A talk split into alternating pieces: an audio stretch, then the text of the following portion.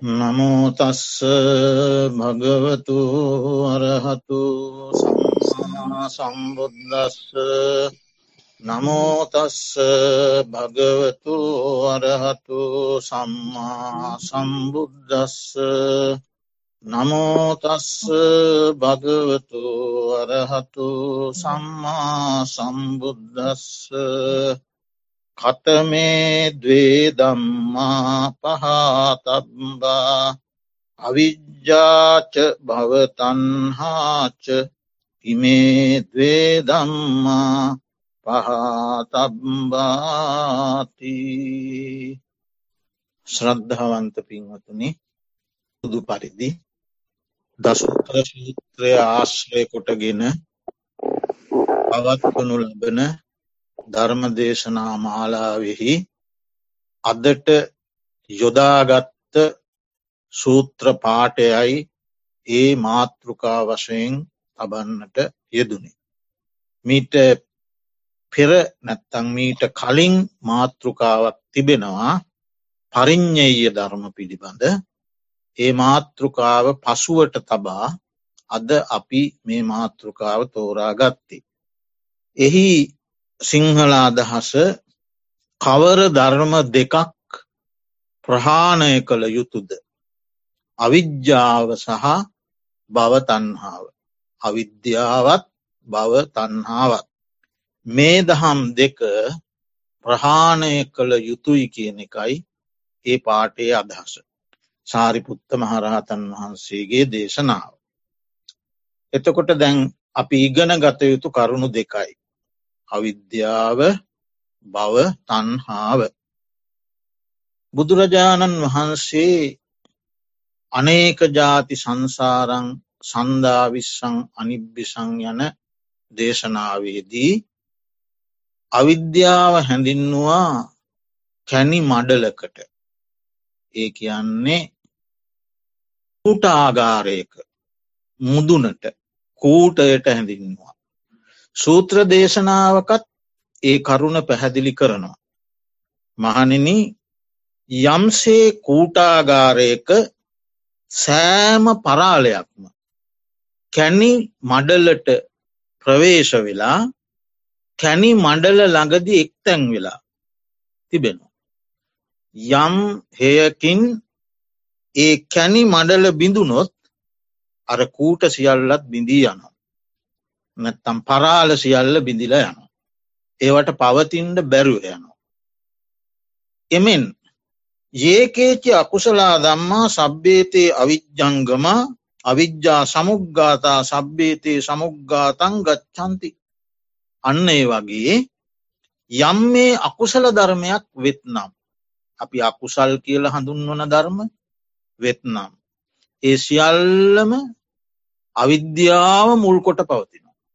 ඒ සියලු අකුසලයන්ට අවිද්‍යාව පෙරටුයි. යම් කෙනෙක් මේ අවිද්‍යාව මුළුමනින් නශා දැම්මොත් එයින් අන් සියල්ලත් නැසී යන. හරියටම කූටාගාරයක කූටේ නැසුනා වගේ. කූටය නැත්තං කැනි මඩල කැඩුනොත් සෙසු පරාලවලට පවතින්න බෑ. ඒ වගේ අකුසල් අවිද්‍යාව මුල්කොට පවතින. අවිද්‍යාව සිඳ දමන්නට සමත් වනොත් අන්සිියල්ලත් සිින්දී යනවා කියන එකයි එහි අර්ථය. අවිද්‍යාව කියන වචනය විස්තර කරනවා නිද්දේශපාලී. කොහොමද? දුක්කේ අඥ්ඥාන දුක්ක සමුදයේ අඥ්ඥානං දුක්ක නිරෝධයේ අඥ්ඥානං දුක්ක නිරෝධ ගාමිණී පටිපදාය අඥ්ඥානං දුකෙහි යම් නොදැන්මක් වේද. දුක්ක සමුදයෙහි යම් නොදැන්නක් නොදැන්මක් වේද. දුක්ක නිරෝධයෙහි යම් නොදැන්මක් වේද. දුක්ක නිරෝධ ගාමිණී පටිපදාවෙහි යම් නොදැන්මක් වේද. ඒ ගැන චතුරාර්ය ශක්තියෙහි යම් නොදැන්මක් වේද. පුබ්බන්තේ අඥ්ඥානං අපරන්තේ අඥ්ඥානං පුබ්බන්තා පරන්තේ අඥ්ඥාන. තමාගේ පෙර භවය ගැන මතු භවය ගැන යම් නොදැන්මක්. පුබ්බන්තා අපරන්තේ පෙර මතු දෙකම පිළිබඳ නොදැන්ම. වේද ඒත් අවිද්‍යාවයි. ඉද පච්චේතා පටිච්ච සමුපන්නේසු දම්මේසු අඥ්ඥානම්. අඥ්ඥානං පටිච්ච සමුප්පාද ධර්මය මේ හේතුවෙන් මේ වේ මේ නැතිකල්හි මේ නොවේ යන පටිච්ච සමුප්පාද ධර්මය පිළිබඳ නොදැන්මක් වේද ඒ අවිද්‍යාවයි. එමෙන්ම අවිද්‍යා ඕගෝ යෝගෝ අනුසයෝ පරිුට්ඨානන් ලංගී මෝහෝ අකුසලං මූලං අකුසල මූලං. අවිද්‍යානම් ඕගයක් වේද යෝගයක් වේද අනුෂය ධර්මයක් වේද පරියුට්ඨාන ධර්මයක් වේද දොර අගුලක් වේද මෝහනම් අකුසලයක් වේද අකුසල මූලයක් වේද මේ අවිද්‍යාවයි කියලා නිර්දේශ ග්‍රන්ථවල දක්වනවා. ඒවා අපි පසුවට සාකච්ඡාවට ගැනෙනවා. බුදුරජාණන් වහන්සේගෙන් එක්තරා ස්වාමීන් වහන්සේ නමක් මේ විදිහේ ප්‍රශ්නයක් අසා සිටිය. ස්වාමීණී භාග්‍යවතුන් වහන්ස අවිද්‍යාව නම් කුමක්ද. කොපමනකින් අවිද්‍යාගත වූයේ වේද. අවිද්‍යාව නම් කුමක්ද කොපමනකින් අවිද්‍යාගත වූයේ වේද. බුදුරජාණන් වහන්සේ දේශනා කරනවා මහන රූපය නොදනීද රූප සමුදය නොදනීද රූපයේ හට ගැනීම. රූප නිරෝධය නොදනීද නිරුද්ධවීම. රූප නිරෝධ ගාමිණී පටිපදාව නොදනීද. වේදනාව නොදනීද. වේදනා සමුදය නොදනීද. වේදනා නිරෝධය නොදනීද. වේදනා නිරෝධ ගාමිණී පටිපදාව නොදනීද. සංඥාව සංඥාවේ සමුදය නිරෝධය ගාමිණී පටිපදාව. සංස්කාර සංස්කාර සමුදය නිරෝධය ගාමිණී පටිපදාව. විඤ්ඥානය සමුදය නිරෝධය නිරුද්ධ කරන පටිපදාව. එතකොට මේ පංචුපාදානස්කන්දයේ හතර ආකාර කාරණයක් පිළිබඳ මේ සඳහන් කළි.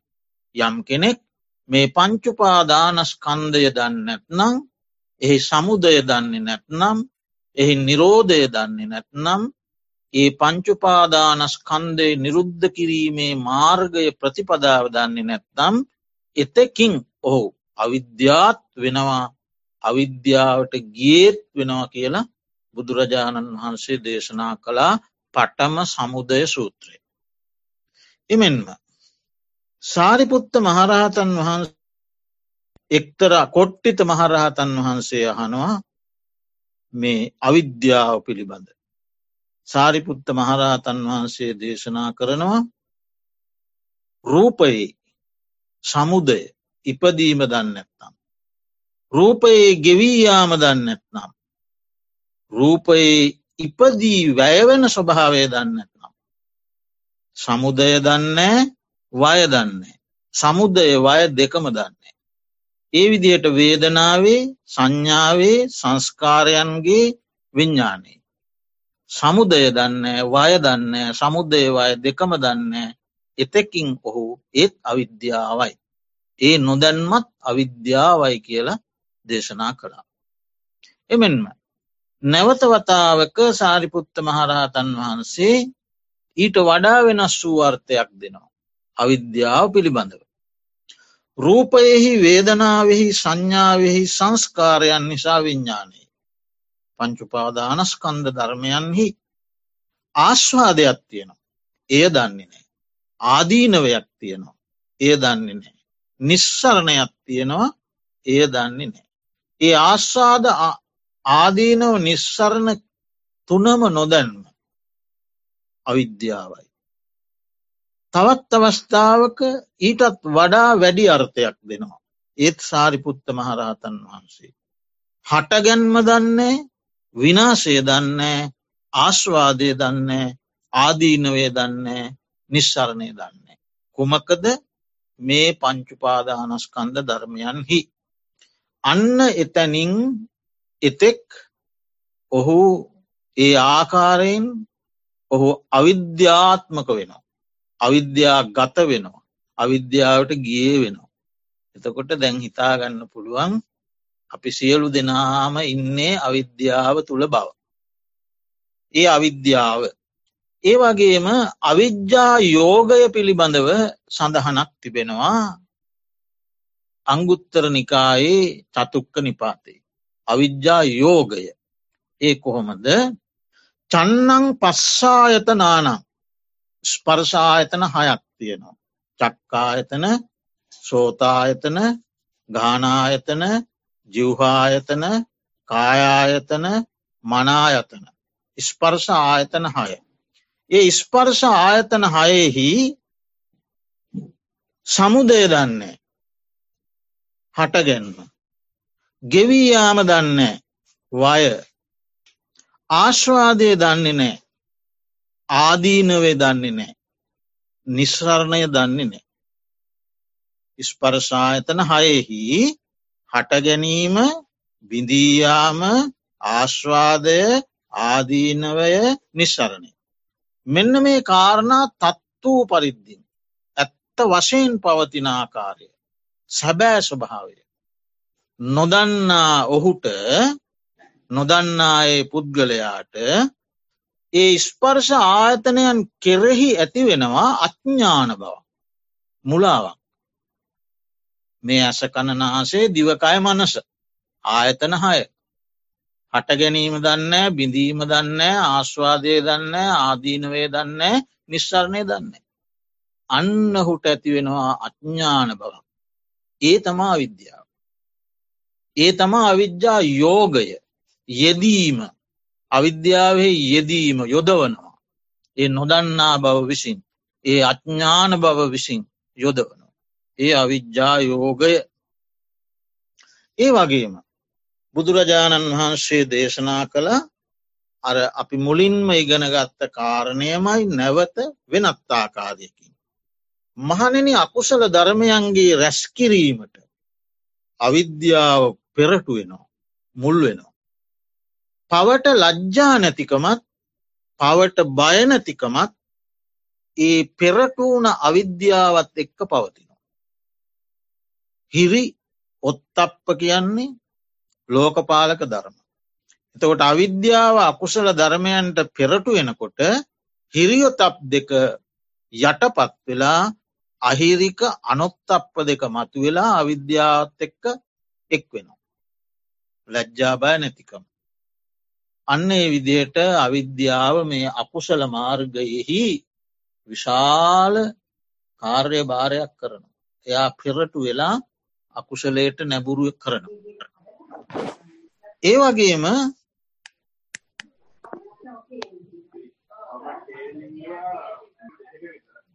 මොකද එමෙන්ම නීවරණ ගැන අපි බොහෝ කොට අශාතිබෙන්නේ නීවරණ පහයි. කාමච්චන්ද ව්‍යාපාද තීනමිද්ද උද්දච්චකුට්කුච්ච විචිකිච්චා. නමුත් සංයුක්ත නිකායේ අවස්ථා ගණනකදීම අවිද්‍යානීවරණය ගැන සඳහන්. එහිදී බුදුරජාණන් වහන්සේ දේශනා කරනවා යම් නීවරණයකින් වෙලුන සත්වයෝ. බැඳුණු වෙලුණු ගැට ගැසුණු සත්වයෝ. ඒ ඒ භවයෙහි දුවත්ද. ඒ භවයෙහි හැසිරෙද්ද. අවිද්‍යා නීවරණය බඳු අන් එකම නීවරණයක්වත් මම නොදකිනි. මේ අවිද්‍යා නීවරණයෙන් බැඳුණු සත්වයෝ ඒ ඒ භවයෙහි දුවන. ඒ ඒ භවයෙහි හැසිරෙනවා. අන්න එහෙමනං මේ නීවරණයක් වශයෙන් අවිද්‍යාව බොහෝම ප්‍රබලයි. ඒ නිසා තමයි සත්වයෝ සසරදුවන්. ඒ නිසාම බුදුරජාණන් වහන්සේ අවිද්‍යා පරමං මලං යනුවෙන් අපේ දම්ම පද ගාථා දේශනාවක දක්වලා තිබෙනවා. මේ අවිද්‍යාව මලකඩයන් අතර පරම මලකඩයයි. රාගෝ මලං දෝසෝ මලං මෝහෝ මලං යනුවෙන් මල තුනක් දක්වලා තිබෙනවා එමෝහ සහ අවිද්‍යාව සම අර්ථයෙන් ගෙන විය හැකි මෝහ මල පරම මලකඩේ අවිද්‍යාවයි. ඒ මලකඩය ඉවත් කළොත් සෙසු ඒවා නොපවතින බවයි එයින් අපට තීරණය කරන්න තියෙන. ප්‍රබලයි. දැන් අපි අර අවිද්‍යාව හඳුන්වන්නට යොදපු වචන වල අර්ථ බලමු අපි එකක් සාකච්ඡා කළ යෝග ස්පර්ශායතනාදීන්ගේ සමුදය වය ආශ්වාද ආදීනව නිස්සරණ නොදන්නාකම නිසා ඇතිවෙන අඥ්ඥාන බව යෝග අවිද්‍යා යෝග. අවිද්‍යා ඕග කියලා කියන්නේ සැඩ පහර. සැඩ පහර. අවිද්‍යා විතරක් නෙවෙයි එතන දැක්වෙනවා කාම ඕග බව ඕග දිට්ටි ඕග අවිද්‍යා ඕග. මේ සැඩ පහර ගලාගෙන එනවා. නවතින්නේ කොතනින්ද. සති තේසං නිවාරණ. මේ සැඩ පහරට ඇති ආවරණය නම් වලක්වා ගැනීම නම් සිහියයි. සතියෙන් තොර සැඩපහර වලක් වන්න බෑ. ඒ තමා බැම්ම. එය ඒ බැම්ම බඳින ශක්තියේ ශක්තියේ ප්‍රමාණයට සැඩපහරේ ගලාගෙන ඒම වලක්වා ගන්න පුළුවන්. පඤ්ඥායේතේ පිතියරේ. එය මුළුමනින්ම නසන්නේ නැත්නම් මුළුමනින්ම වලක්වන්නේ මුළුමනින්ම සිඳ දමන්නේ නැවත නොගලන තත්ත්වයට පත් කරන්නේ ප්‍රඥාවෙන්. සතියෙන් වැලැක්වා ප්‍රඥාවෙන් මුළුමනින්ම සිඳ දැම්ම. ඉතිං ඒ සැඩ පහර ඕග ඒ ඕගවල ගිලිලා නැවත නැවත නැවත නැවත සංසාරයට ගමන් කිරීම තමයි ස්වභාවය. සැඩ පහර කියන අර්ථය. ඊළඟට අවිද්‍යාසව අපි බොහෝ අවස්ථාවල කතා කරලා තියෙනවා දීර්ඝ කාලයක් චිත්ත සන්තානය තුළ පල්වෙමින් පැවතෙනෙන දේවල්. කුණු වූ තුවාලයක් කුණු වූ ගඩුවක් ඒවගේම පල් කරන ලද යම් කිසි දෙයක් ගෙඩියක් මලක් දීර්ඝක කාලයක් පල් කරපුයේ වගින් ශ්‍රාවය වැගිරෙනවා වගේ මේ ආශව ධර්ම කාමාශව බවාශව දිට්ඨාශව අවිද්‍යාශව. ඒ ආශ්‍රව ධර්මයන් චිත්ත සන්තානය තුළින් ගලන. ඇසෙන් රූප කෙරෙහි කනෙන් ශබ්ද කෙරෙහි නාසයෙන් ගඳ සුවඳ කෙරෙහි දිවෙන් රස කෙරෙහි කයන් පහස කෙරෙහි එහෙම ගලනවා. ආශව. පල් කරන ලදදී. ඊළඟට අනුසය අලු යට තිබුණ ගිනුපු පුරක්ෂේ නිදාගන සිටි සර්පයකුට දෂ්ට කලාසේ අරමුණු පැමිණි විගස මතුව සිටින. අරමුණු ඉදිරියේ මතු වී ගන්න. එතෙක් නිදිස්වරූපයෙන් පවති. අනුෂය ධර්මයක්. එව හතක් තියෙනවා. කාමානුෂය පටිගානුෂය මානානුෂය දිට්ටිය අනුෂය විචිකිච්චානුෂය බවරාගානුෂය අවිද්‍යානුෂය. ඒව මතු වෙලා එනවා. ඊළඟට පරියුට්ඨාන නැගී සිටීම. පරියුට්ටහාන තුනක් තියෙනවා. පරියුට්ටහාන බවට පත්වීම අවස්ථා තුනකදි සිදුවෙනවා. අනුසය පරියුට්ටාන වීතික්කම. යටපත් ප්‍රතිබෙන අවස්ථාව නැගී සිටි අවස්ථාව සහ ක්‍රියාත්මක අවස්ථාව. අවස්ථා තුනයි. ඒ අවිද්‍යාවත් ඒ එලෙසින්ම යටපත්වම තිබෙන්නේ අවස්ථානු රූපව නැගී සිටිනවා. පරියුට්ඨාන. සංයෝජන භවයෙහි බඳින ස්වභාවේ. සක්කාදිට්ටි විචිකිච්චා ශීලබ්බත පරාමාස කාමරාග පටිග රූපරාග අරූපරාග මාන උද්දච්චා විච්චා. සංයෝජනයක් බැඳ තබන දෙයක්.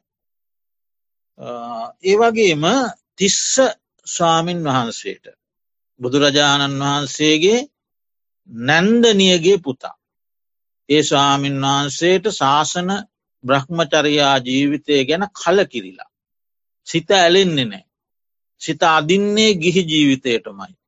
සසුනෙහි ඇල්මක් නෑ.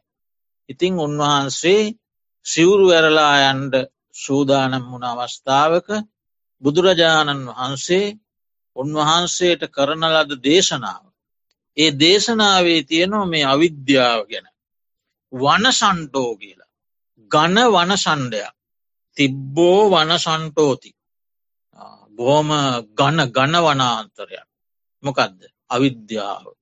අවිද්‍යාව නැමති අන්ද කාරයෙන් වැහිල කියන එකයි. ගණ වනයක් වගේ කියල දේශනා කොට වදාලා. ඒ විදියට අවිද්‍යාවට බොහෝම ප්‍රබල තැනක් බෝම ක්ලේෂයන්ගේ ඉහළම තැන මේ අවිද්‍යාවට ලැබෙනවා.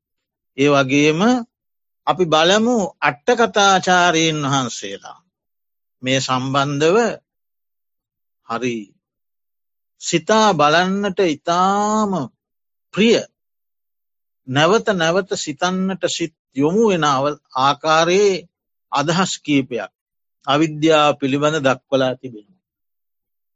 පුරන්නට සුදුසු නැති අකුසල කායකර්ම. පුරන්නට සුදුසු නැති අකුසල වාක්කර්ම සහ අකුසල මනෝකර්ම. ඒව හොඳ නෑ කරන්න. පුරන්ට කරන්ට හොඳ නෑ. ඒ නුසුදුසු කායවාක් මනෝකර්ම පුරනවා. අවිද්‍යාවේ ස්වභාවයක තමයි. ඒවා පුරන්නට හොඳ නෑ නමුත් එයා පුරන්ඩ කැමති ඒවා. බලන්ඩ හරි ලස්සන එදුමක්. පුරන්නට නුසුදුසුදේ පුරනවා. එය අවිද්‍යාව. පිරිය යුතු පුරන්නට සුදුසු කුසල කායකර්ම. කුසල වචීකර්ම. කුසල මනෝකර්ම. ඒව පුරන්න හොඳයි. හැබැ ඒවා පුරන්නේ නෑ. ඒක තම අවිද්‍යාවේ ස්වභාවේ. පුරන්නට නුසුදුසුදේ පුරනවා පුරන්නට සුදුසුදේ පුරන්නේ නෑ. අවිද්‍යාව ඒ පැත්තට යොමු වෙලා තියෙන. ඒ වගේම. රූපවේදනා සංඥා සංකාර විඤ්ඥාන යන ස්කන්දයන් ඒවා සමූහ සමූහව ලෙස ඇති වෙලා තියන්නේ. ඒවා සමූහයක එකතුවක්. අන්නේ සමූහ බව වහලා තියෙනවා. වහලා ඉතිං හිතාගෙනින්ව මම කියලා. ඒක සමූහයක් කියල මේ අවිද්‍යාවෙන් පෙන්නන්නේ. ඒ පැත්ත මුවහ කරලා තියෙනවා. වහලා තියෙනවා එක දන්නේ නෑ. ආයතනයන්ගේ ආයතන භාවය දන්නේ නෑ. ඉස්කන්දයන්ගේ ස්කන්ධ භාවය දන්නේ. ඒ වගේම පටවි ආපෝතේජෝ ආයෝ යන මේ සතර මහා ධාතුූන්ගේ අස්තිර බව. ඒ වගේ තියෙන ශුන්්‍ය බව. ඒ වගේ තියෙන දුක්කිත බව. අවිද්‍යාවෙන් වහල තියෙනවා. ඒක දන්නේ නෑ. ඒකත් නොදන්නා. ඒ වගේම. චතුරාර්ය සත්‍යයන්ගේ සත්‍ය ස්වභාවය නොදන්න. එහෙම සත්‍ය හතරක් තියෙනවන් කවුද දන්නේ. කීයෙන් කී දෙනාත් දන්න. ඒ සත්‍ය ස්වභාවය නොදන්න. ඒ වගේම චතුරාර්ය සත්‍ය ධර්මයන්ගේ ඒ සත්‍ය ස්වභාවයන් හඳුන්නන විවිධ අර්ථ තියෙනවා. පීඩනාර්ථ සංයෝගාර්ථ ඔය විදි අර්ථ තියෙනවා. ඒ අර්ථත් නොදන්න. පීඩනාදී අර්ථ පේන්නේ. ඒ අවිද්‍යාවේ ස්වභාවයයි. එමෙන්ම සසරෙහි යොදවනවා අවිද්‍යාව සසරෙහි යොදවනවා. සසරෙහි දුවවනවා. සසරෙහි සැරිසරවනවා. සසරට ගෙනියනවා අවිද්‍යාව. එපමනක් නෙවෙයි. අන්ඩජ ජලාබුජ සංසේදජ ඕපපාතික කියන සිව් යෝනියන් කරා දුවවනවා. ඒ උපත් හතර කරා දුවවන්නට සමත් මේ අවිද්‍යාව. එපමනක් නොවේ. දිවිය ගති මනුෂ්‍ය ගති ප්‍රේත ගති නිරය ගති ආදී ඒ ගති කරාගෙනියනවා නිවන කරාගෙනියන්න අවිද්‍යාව. විවිධ ගති කරාගෙනියනවා. බවයෙහි දුවවනවා. විඤ්ඥානත් ටිති කරා දුවවනවා. සත්ත විඤ්ඥානත් ටිති. ඒකත්තකා ඒකත්ත සංඥී ඒකත්තකාය නානත්ත සංඥී මේ පින්වතුන් ඉගෙනගෙන තියෙනවා පහුගී දවස්වල අපි ප්‍රශ්නවලටත් දුන්න. ඒ විඤ්ඥානත් ටිති හත කරා දුවවනවා. ඒ ඒ තැනට විඤ්ඥානය යොමු වෙනවා. නව සත්තාවාස කරා ගෙනියනවා. ඒවගේ දුවවනෝ. සත්වයන් වාශය කරන තැන් නවය නව සත්තාවාස. ඒවා කරා දුවවනෝ. ඉස්කන්දාදී ධර්මයන් කෙරෙහි පවතින්ට කැමතිමනෑ. මේවා ඉස්කන්දයෝය මේවා ධාතුය මේවා ආයතනයෝය ඒවා මනාපනෑ. ඒ ධර්මයන් පවතින්නේ. ඒ වගේම. මේ චක්කු විඤ්ඥානයේ මේ සෝත විඤ්ඥානයේ මේ ගාන විඤ්ඥානයේ මේ ජිව්වා විඤ්ඥානයේ මේ කාය විඤ්ඥානයේ මේ මනෝවිඤ්ඥානය ආදී වශයෙන් ඒවා බෙදල වෙන් කරලා විභජනය කරන්නට ඒ අවිද්‍යාවට බෑ. ඒකත් වහලා තියෙන්නේ. ඒව වහලා වහලා ඒ වගේම මේ රූපායතනයේ මේ ශබ්දායතනය මේ ගන්ධායතනය මේ රසායතනය මේ පොට්ටබ්බායතනය මේ දම්මායතනය ඒවත් වහලා තියෙන්නේ. පටිච්ච සමුප්පාද ධර්මයන් වහලා තියෙන්නේ. ඒ පටිච්ච සමුපන්න ධර්මයනුත් ඒවා අවබෝධ කරගණ්ඩ ඒ අවිද්‍යාවට බෑ ඒ පැත්ත වහලා. වශාලන බැවින්. මේ බලවත් මෝහොයට අවිද්‍යාව කියලා කියන්නේය ඔන්න අට්ට කතාචාරීන් වහන්සේලාගේ අර්ථ. නැවත නැවත හිතන්නට සුදුසුයි. අවිද්‍යාවේ ස්වභාවේ. එතකොට රේරුකානේ චන්දවිමල නායක ස්වාමීන් වහන්සේ මහානායක මහා ස්වාම්පාදයාණන් වහන්සේගේ ධර්ම ග්‍රන්ථවල තියෙනවා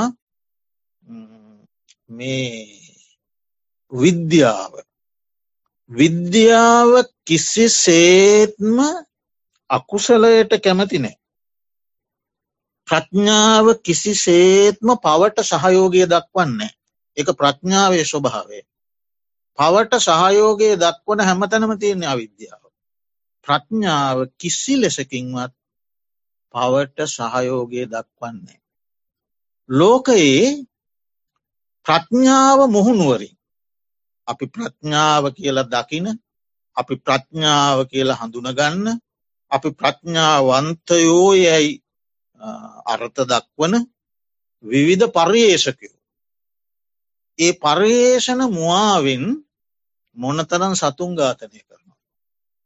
ධනධාන්නේ වස්තු සම්පත් උපදවමින් සුකිත මුදිත ලෝකයක් තනන්නට මොන්න තරන් ජීවින් විනාශ කරනවා. එතන ප්‍රඥාව නෙවෙයි තියෙන්නේ ඒ රේරුකාණය ස්වාමීන් වහන්සගේ අදහස. එතන තියෙන්නේ ප්‍රඥාව මුහුණුවරින් පැමිණි මෝහය. ඒකට අවිද්‍යාව හරි කැමති. අවිද්‍යාව රුකුල් දෙනවා. අවිආයුධ නිෂ්පාදනය යුද්ධ ගැටුම් සතා සිව්පාවා ඉන්න පරිසර විනාශ කිරීම සංවර්ධනයේ මුවාවෙන් ඒ හැම්ම තැනම ඒ සත්ව ඝාතනාදී ඒ හැම තැනම අවිද්‍යාවතිය. කියලා ඒ ස්වාමීන් වහන්සේ ඔය පින්වතුන් කියවන්න කෙලෙස් එක් දහස් පන්සී ධර්ම ග්‍රන්ථය. එහි තියෙනවා. ඉති ඒ අපිට බැහැර කරන්න බෑ. රසායනිකාවි යුද්ධ අවි ගැටුම් ලෝව මුලා කරවන නොයකුත් වංචනික ක්‍රම ධනධාන්නේ බෝග සම්පත්ති පයීම සඳහා යොදන වංචනික ක්‍රම. ඊට පස්සේ මිනිසුන්ගේ ආයුෂයට මිනිසුන්ගේ මානසික සෞඛ්‍යයට මිනිසුන්ගේ ශාරීරික සෞඛ්‍යයට අහිතකර වූ යෙදීම් ධනයපේීම සඳහා කොච්චර යොදනවාද ලෝකයේ රසායනික දේවල් ඉති ඒ ඒවත් එක්ක බලනකොට මේ අවිද්‍යාව හරි ප්‍රබලයි ඒ අවිද්‍යාව ඔය මේ ප්‍රඥාවෙන් පෙන්නන විද්‍යාව එම නැත්තං පවෙන් තොර බව මිනිසාට සත්ව සංහතියේ පැවැත්මට නැබුරු චේතනා චෛතසික ඒවට අවිද්‍යාව ඉඩ දෙන්නේ. ඒක එහෙම තමයි. ඒ නිසා ඔය විදිහට අවිද්‍යාව බෝම ප්‍රබල දෙයක් ඒ නිසා තමයි අරිහත් මාර්ගඥානයෙන්ම තමයි අවිද්‍යාව මුළුණු පුටාදාන්නට පුළුවන්කම ලැබේ. අනාගාමී ශ්‍රාවකයන් වහන්සේ තුළ පවා අපේත් අපි අපේ ළඟ වගේ අවිද්‍යාවක් නෑ යම් මට්ටමක අවිද්‍යාව තියෙන. එතකොට මේ අවිද්‍යාව ඒ තරං අරිහත් මාර්ග ඥානය දක්වාම පැවතුනක් මිනිසාට පුළුවන් ඒ අවිද්‍යාව තුනී කරන්න. කොහොමද අවිද්‍යාව තුනී කරන්නේ සත්පුරුෂයෙක් ආශ්‍රය කිරීම. ශීලයක පිහිටීම. සමත්ත විදසුන් භාවනාවල යෙදීම. සද්ධර්මශ්‍රවනය කිරීම. විශේෂයෙන් මම මගේ කියල මේ සලකන ජීවිතය සමූහ වශයෙන් බැලීම මේක මම කිව්වට මෙතන තියෙන නිස්කන්ද ධාතු ආයතන ආදී සමූහ වශයෙන් බැලීම. විදර්ශනා ප්‍රඥාව මතු කර ගැනීම. ඒවා තුළින් මේ අවිද්‍යාව බහුල ලෝකයි ජීවත් වෙමින් අවිද්‍යාව තුනී කිරීමේ ක්‍රියාමාර්ගයකට යන්න පුළුවන්.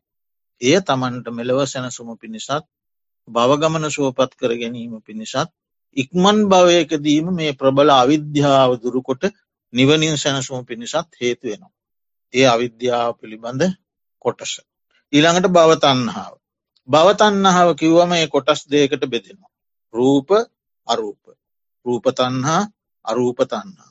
එතන රූපතන්නාව කියලා කිව්වේ රූපාවචර බ්‍රහ්මලෝක දාශය හෝ දාශයෙන් එකක් හෝ කීපයක් හෝ කෙරෙහි තියෙන තෘෂ්ණාව. සහ රූපාවචර ධ්‍යාන පිළිබඳව තියෙන තෘෂ්ණාව. ධ්‍යාන නිකාන්තිය ධ්‍යානෙහි ඇල්ම ධ්‍යාන තෘෂ්ණාව. ඒ රූපතන්හ. අරූපතන්හා කිවේ අරූපාවචර බ්‍රහ්මලෝක හතර කෙරෙහි සහ ඒ හතරෙන් එකක් කෙරෙහියෝ කීපයක් කෙරෙහියෝ හතරම කෙරෙහියෝ සහ. ඒ තමා සම වැදුණු එක්ධ්‍යානයකට නිපුළුවන් එකවර ඒ ධ්‍යානය කෙරෙහි තියෙන ඇල්ම. දෙවන ධ්‍යානයට සමවදිනවනම් දෙවන ධ්‍යානය පිළිබඳ ඒ විදියට ඒ ධ්‍යාන ඇල්ම අරූපාචර බ්‍රහ්ම ලෝක සහ ධ්‍යාන පිළිබඳ ඇල්ම. ඒ තමා බව තන්හාාව එයත් ප්‍රහාණය කරන්න කියලයි සාරිපුත්ත මහරහතන් වහන්සේ දේශනා කරන්න. ඇයි ප්‍රථමධ්‍යාන භූමි තුනක් තියෙනවා. ද්වීතීය ධ්‍යාන භූමි තුනක් තියෙනවා. තෘතිය ධ්‍යාන භූමි තුනක් තියෙනවා. චතුරුත අධ්‍යාන භූමි හතක් තියෙනවා. ඒව ඔක්කෝම රූපාවචර බ්‍රහ්මලෝ. ආකාසානඥායතන විඤ්ඥානංචායතන ආකින්චඥායතන නේව සංඥා නා සංඥායතන කියන අරූපාවචර බ්‍රහ්මලෝක හතරක් තියෙනවා. එතකොට ඔක්කොම විස්සයි. මේ මේවා අකුසල් නෙමේ මේවා ප්‍රබල මට්ටමේ කුසල් දිහාන. නමුත් එයින් නිවන ආවරණය ඒට ඇලීමෙන් ඒට බැඳීමෙන් එය පරම සැපයක් ලෙස පිළිගැනීමෙන් නිවන දුකෙන් නිදහස්වීමේ මාර්ගය අවහිරවෙන. ඒ නිසා සාරිපුත්ත මහරහතන් වහන්සේ දේශනා කරනවා මෙම බව තන්හාාව දුරු කළ යුතු දෙයක්. එතකොට අවිද්‍යාව බවතන්හා දෙක අන්න ඒ ආකාරයෙන් දුරු කළ යුතුයි මෙයින් හිතන් දෙපා දුරු කළ යුතු දේවල් තියෙන මෙ පමණයි කියලා. මේ අපි පළවෙනි දවසෙත් දුරු කළ යුතු එක ධර්මයක් ශාකච්ඡා කළා. අද දුරු කළ යුතු ධර්ම දෙකක් ශාකච්ඡා කළා. මේ විදිහට දිගින් දිගට මේක දහය දක්වා යනවා. දුරු කළ යුතු කර්ම තුන හතර පා හය හත එහෙම යනවා. ඒ නිසා ඒව ඔක්කෝම අපි එකතු කරලා ගත්තොත් පනස් පහක් සූත්‍රයේ දුරු කළ යුතු ධර්ම පමණක් පනස් පහක් එකතු වෙන. එයින් අපි දැන් කරුණු තුනක් සාකච්ඡා කළා. තින් මෙතෙක් වෙලා ධර්මශ්‍රවණය කිරීමෙන් උපදවාගත්ත කුසල ශක්තිය අපටත් අප නමින් පරලෝෂපත් ඥාතීත මිත්‍රාදීන්ටත් දෙවියන් සහිත ලෝකවාශී සියලු සත්වයන්ටත් අමාමහ නිර්වාණ සුව සාන්තිය පිණිසම හේතුවාශනාවෙත්වා කියලා පාර්ථනා කරු. ආකාශට්ටාජිබුම් මට්ටා දේවානාගා මහිද්දිකා පුඤ්ඥන්තන් අනුමෝදිත්වා චිරන්රක්කන්තු ශාසනං. පුඤ්ඥන්තන් අනුමෝදිත්වා චිරන්රක්කන්තු දේශනං. පුඤ්ඥන්තන් අනුමෝදිත්වා චිරන්රක්කන්තු මම් පරන්ති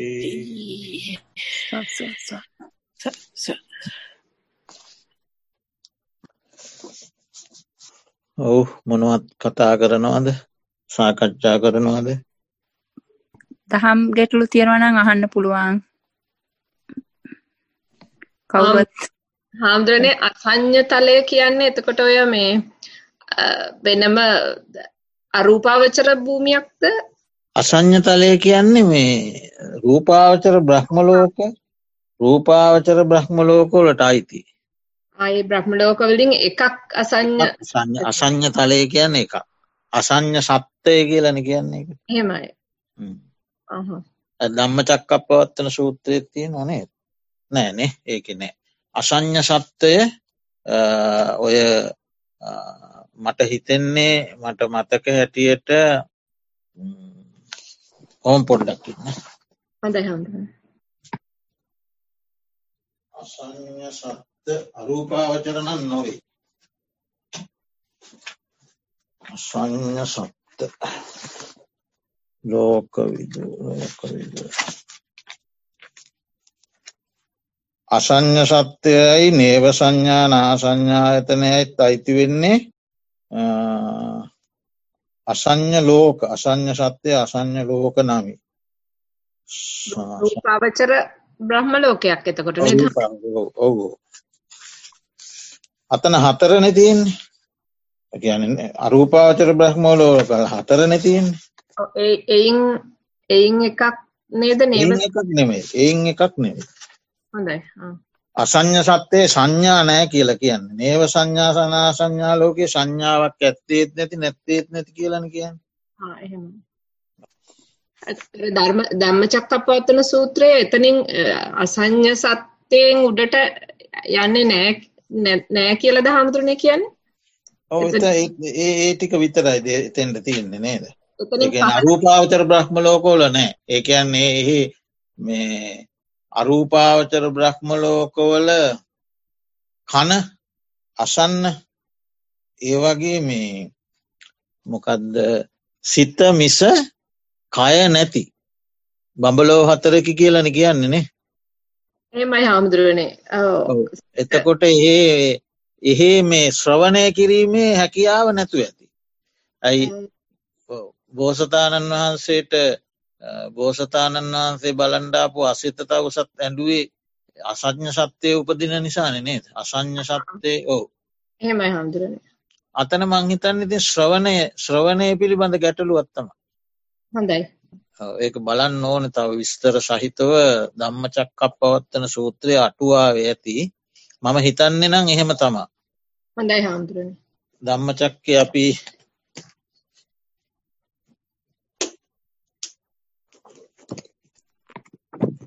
ධම්මචක්කේ ඒ බුදුරජාණන් වහන්සේගේ දේශනාව සාධකාරදීලා හලතියෙන්නේ චාතුම්මාරාජික එතෙන්ඩ යාම ඒ දිවියලෝක හය ඊළඟට බ්‍රහ්ම පාරිශජ්‍ය බ්‍රහ්මපුරෝහිත බ්‍රහ්මපුරෝහිත මහා බ්‍රහ්ම එහෙමැවිල්ලා ආභශ්වර පරිත්ත සුභ අපමාන සුභ සුභකින්න වේහප්පලා වේහප්පල අවිහ සුදස්ස සුදස්සී ඔව්. ඒ කියන්නේ මේ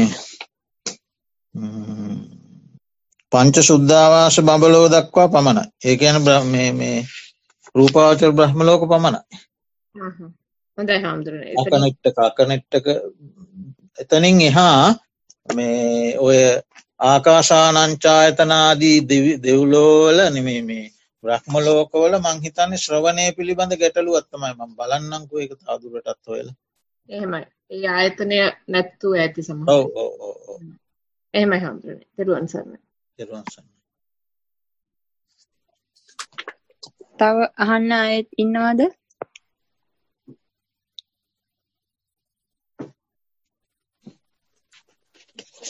මේ තියෙන්නේ බ්‍රහ්මලෝක පිළිබඳ විස්තරේ බ්‍රහ්මලෝක පිළිබඳ තියෙනවා මේ ඒක කතා කරමට හොඳයි චතුෝකාර බව යොදලා අමතින් කාමසුගති හතයි. ඊළඟට බ්‍රහ්ම පාරිශජ්‍ය බ්‍රහ්මපුරෝහිත මහා බ්‍රහ්ම. ඒ ප්‍රථමධ්‍යාන භූමි තුන. පරිත්තාබ අපපමානාබ ආභශ්වර දවීතීය ධ්‍යාන භූමි තුන. පරිත්ත සුභ අපමාන සුභ සුභකින්න කියන්නේ තෘතිය ධ්‍යාන භූමි තුන. වේහප්පල අසං්ඥ සත්‍යය අවිය අතප්ප සුදස්ස සුදස්සී අකනිට්ට. කියන හත හතෙන් පහක් සුද්ධවාස. වේහප්පල අසං්ඥ සත්‍යය දෙකත් ඒකට එකතු වෙනවා. ඒ ඔක්කොම චතුරු තද්‍යාන භූමි. චතුරු තද්‍යාන භූමි. එහෙම තමයි බෙදා තිබෙන්නේ. එහෙම.